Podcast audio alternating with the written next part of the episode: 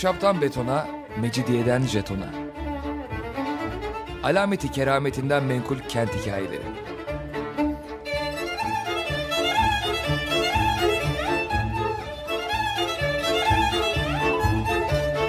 Hazırlayan ve sunan Pınar Erkan.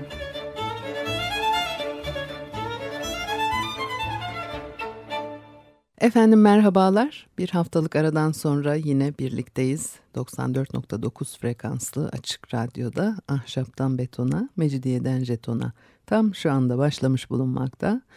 Anlatıcınız ben Pınar Erkan. Elektronik posta adresim pinarerkan.yahoo.co.uk Bakalım bugün programımızda neler var. Metin And tarihteki Osmanlı şenliklerinin Avrupa'daki Rönesans şenliklerine benzediğini söyler. Bunları anlatır.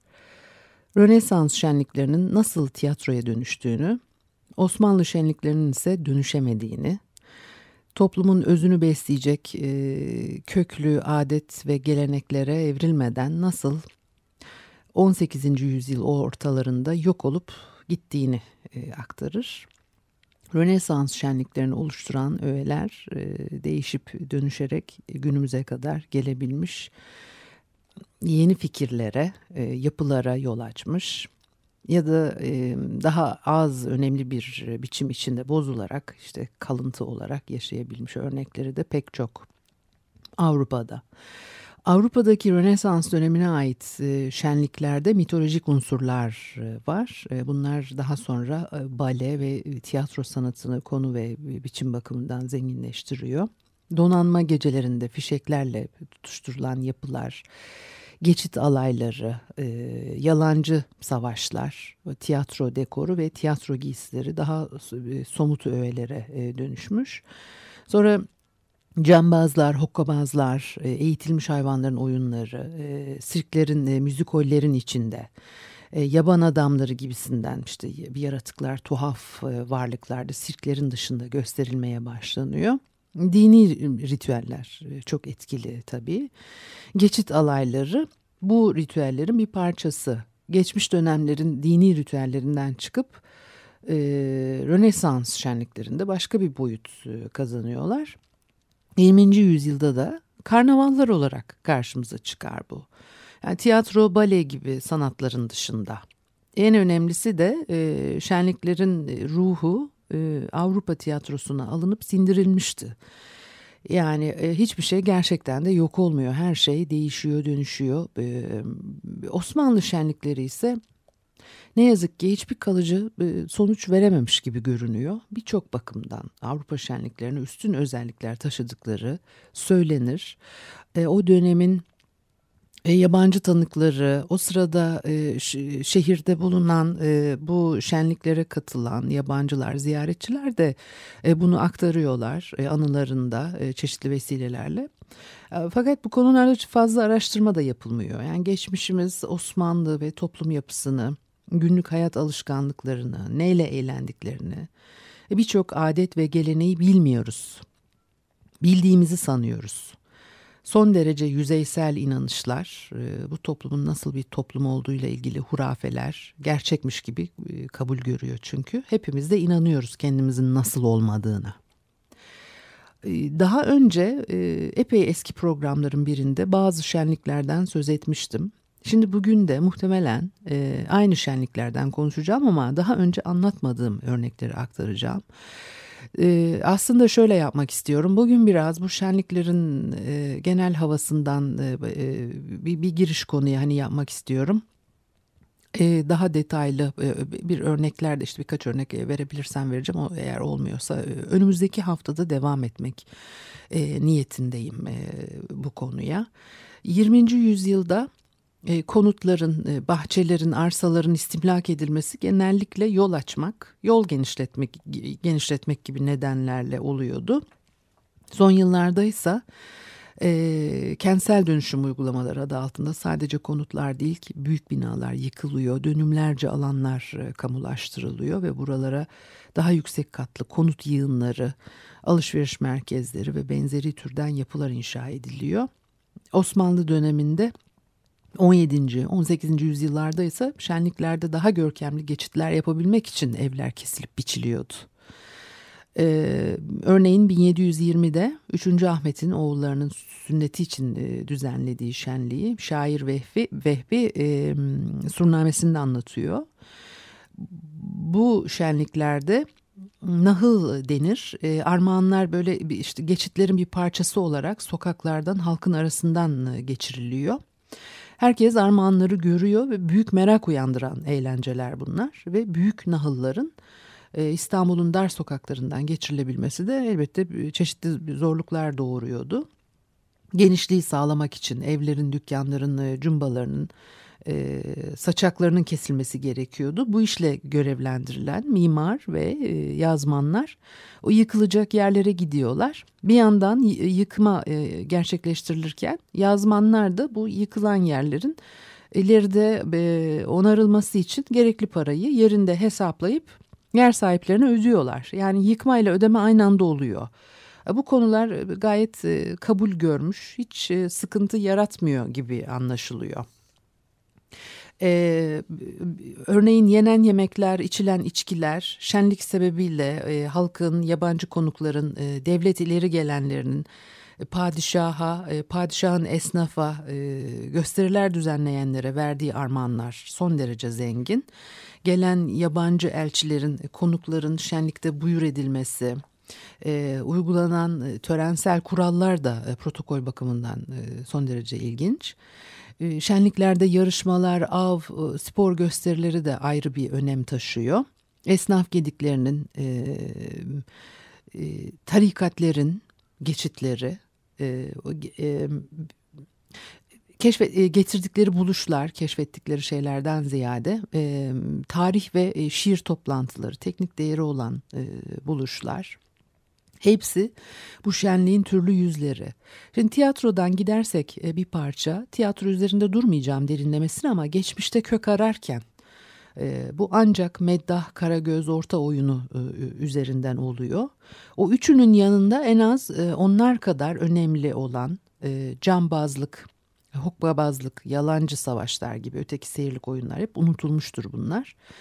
Oysa e, Avrupa tiyatrosu tarihi bakımından e, seyirlik oyunları arasında büyük farklar e, gözetilmiyor. Eski romanın yıkılmasıyla beraber tabii tiyatro işte göçüp gidiyor. Onun yerine Orta Çağ'da Avrupa'da şarkı söyleyen, e, masal anlatan, el çabukluğu gösteren, taklit yapan seyirlik oyuncular e, alıyorlar.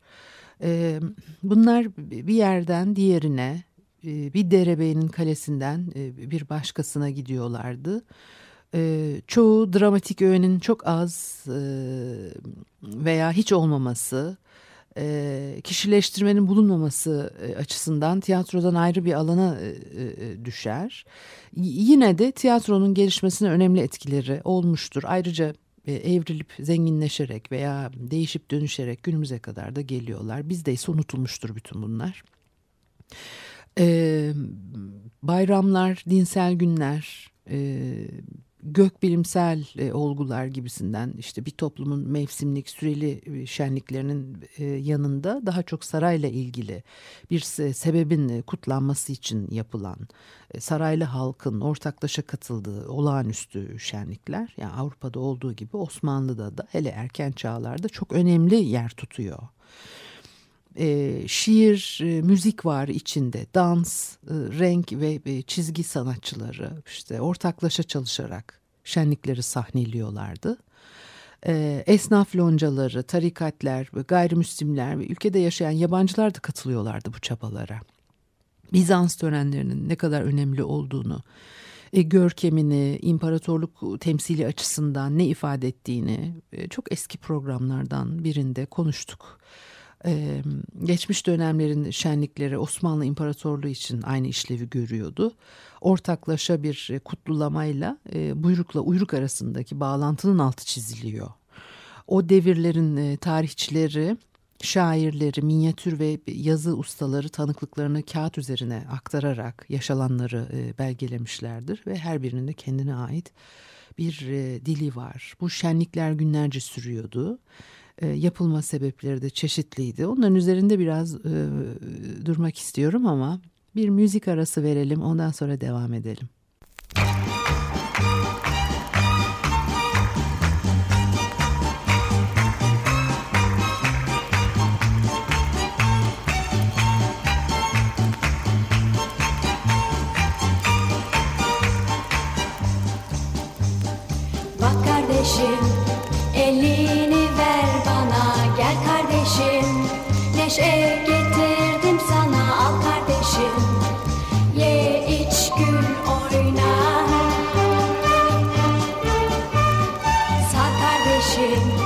Kolunu boynuma sev kardeşim canım feda yoluna tap kardeşim tüm insanlara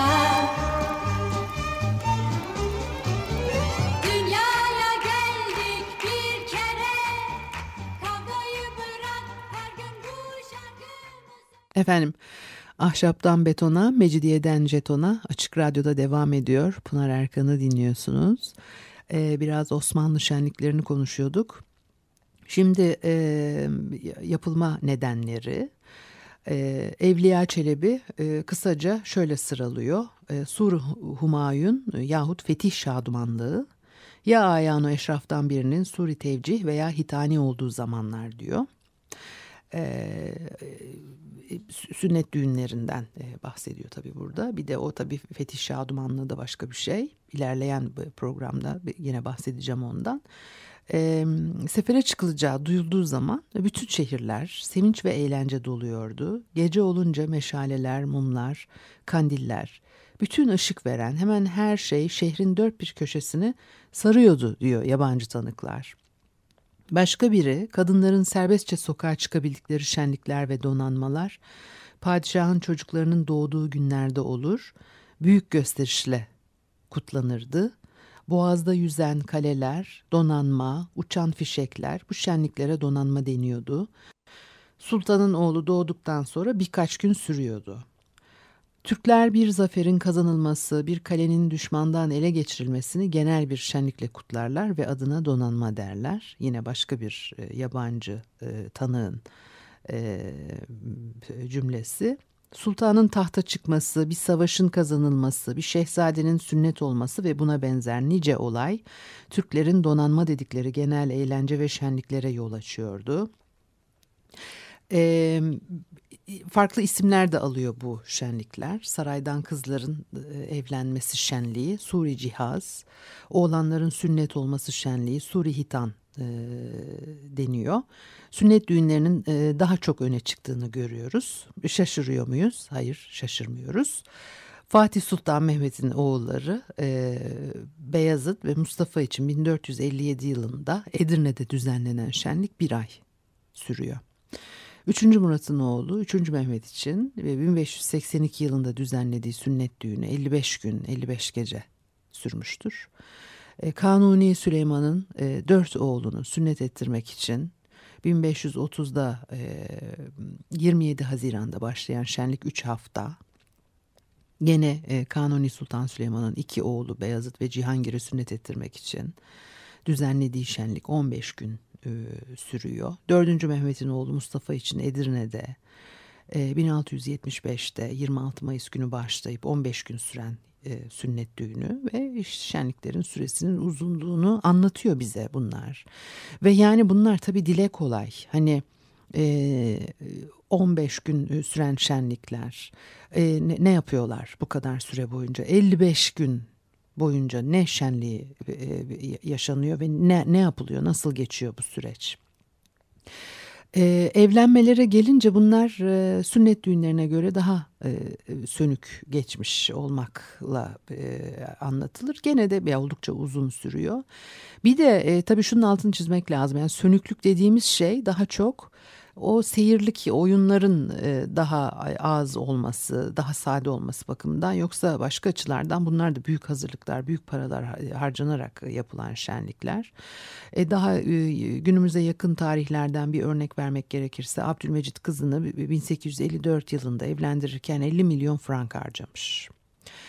Ee, en uzun düğünlerden biri 2. Mehmet'in Edirne'de Siti Hatun'la e, 1450 yılında 3 ay süren düğünü. Ee, Kanuni Sultan Süleyman'ın kız kardeşinin yine başvezir İbrahim Paşa ile evlenmesini kutlamak için At Meydanı'nda yapılan düğün. O da çok meşhurdur. 22 Mayıs 1524'te başlıyor. 8 gün 8 gece süren o şenlikler hep anlatılır. Aslında en çok konuşulan da e, e, bu, bu e, düğün şenlikleridir. Ben de bir programda yine bundan bahsetmiştim size. Bursa'dan gelen buzdan kaseler içinde hoşaf ikramlarını hatırlarsınız belki. Ee, evlenmeler içinde en verimli yıl 1612'de e, olmuştu. Yalnız bizde değil fakat aynı yıl içinde e, Fransa, İspanya, e, Almanya ve Portekiz'de de büyük düğünler düzenleniyor. Bizdekiler için de en önemlisi e, 1612'de Öküz Kara Mehmet Paşa ile 1. Ahmet'in büyük kız kardeşi Cevher Han'ın e, düğünü. O saraydaki doğumlar da büyük e, şenlik sebebi.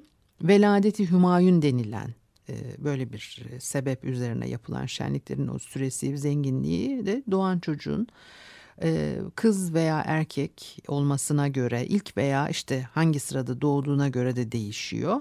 Hatta ikiz olmasının da bunlarda payı oluyor. 1692 yılında 2. Ahmet'in ikiz çocuğu doğuyor.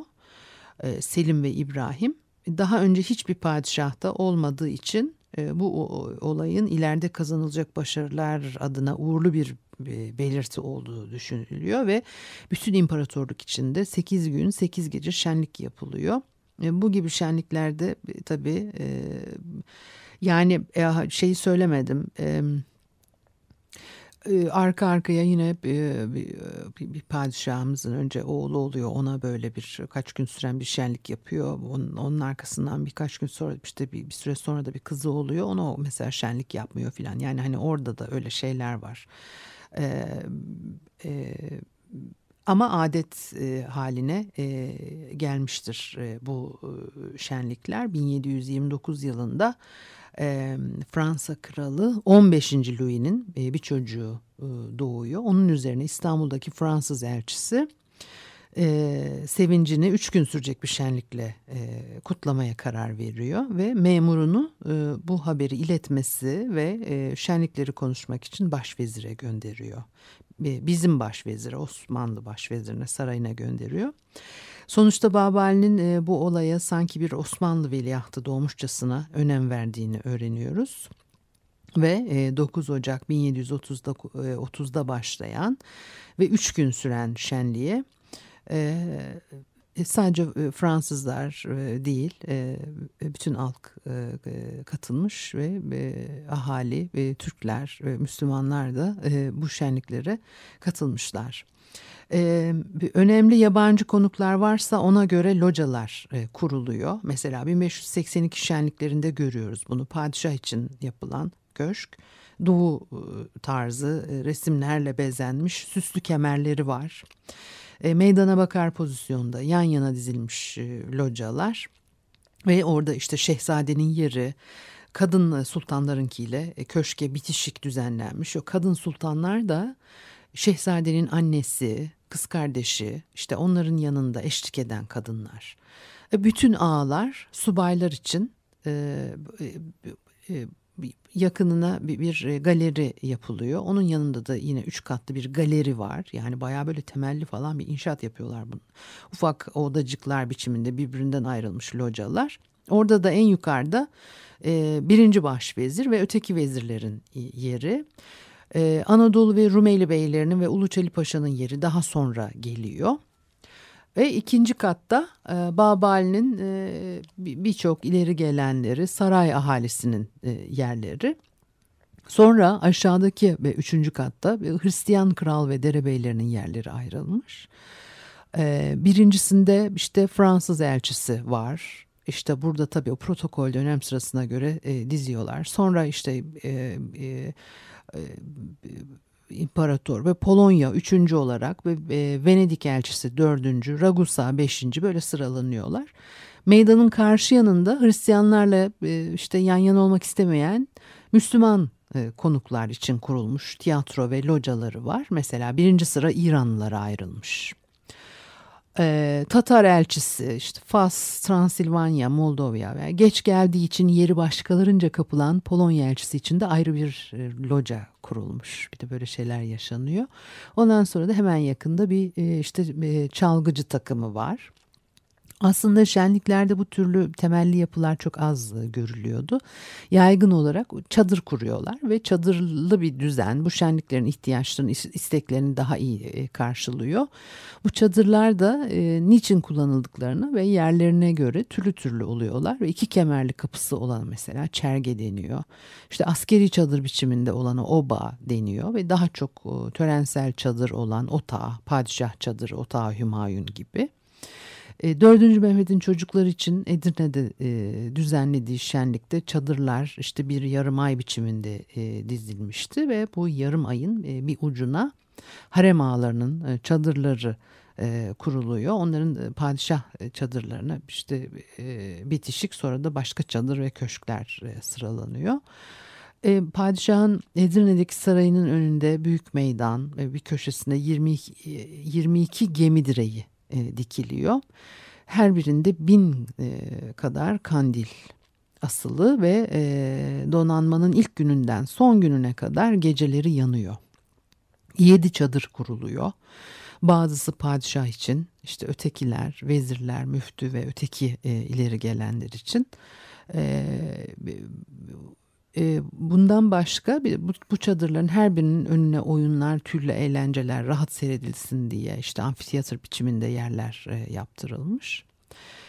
E, 21 Mayıs 1675'te başvezir Köprülü Ahmet Paşa e, törenle Edirne'deki saraya gidiyor ve orada işte askeri müzikle e, konik biçimli padişahlık e, çadırları e, kurduruyor.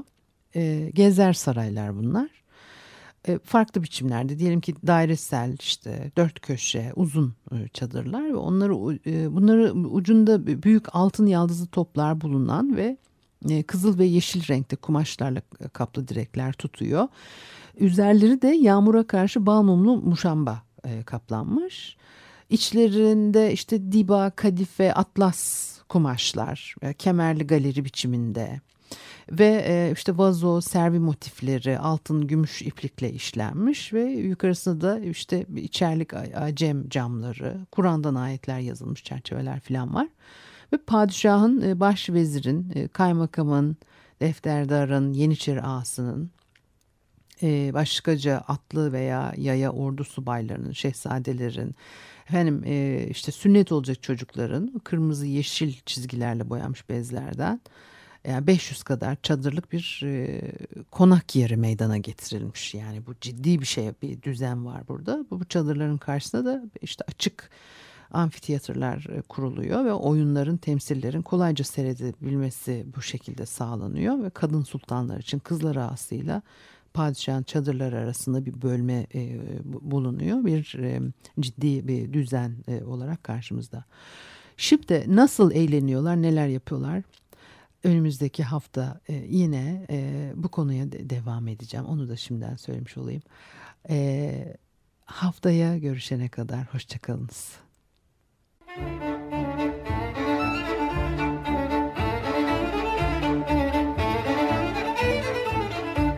Ahşaptan betona, mecidiyeden jetona. Alameti kerametinden menkul kent hikayeleri.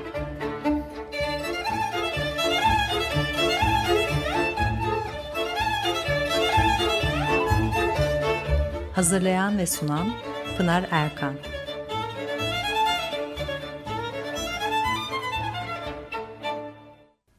Açık Radyo program destekçisi olun. Bir veya daha fazla programa destek olmak için 212 alan koduyla 343 41 41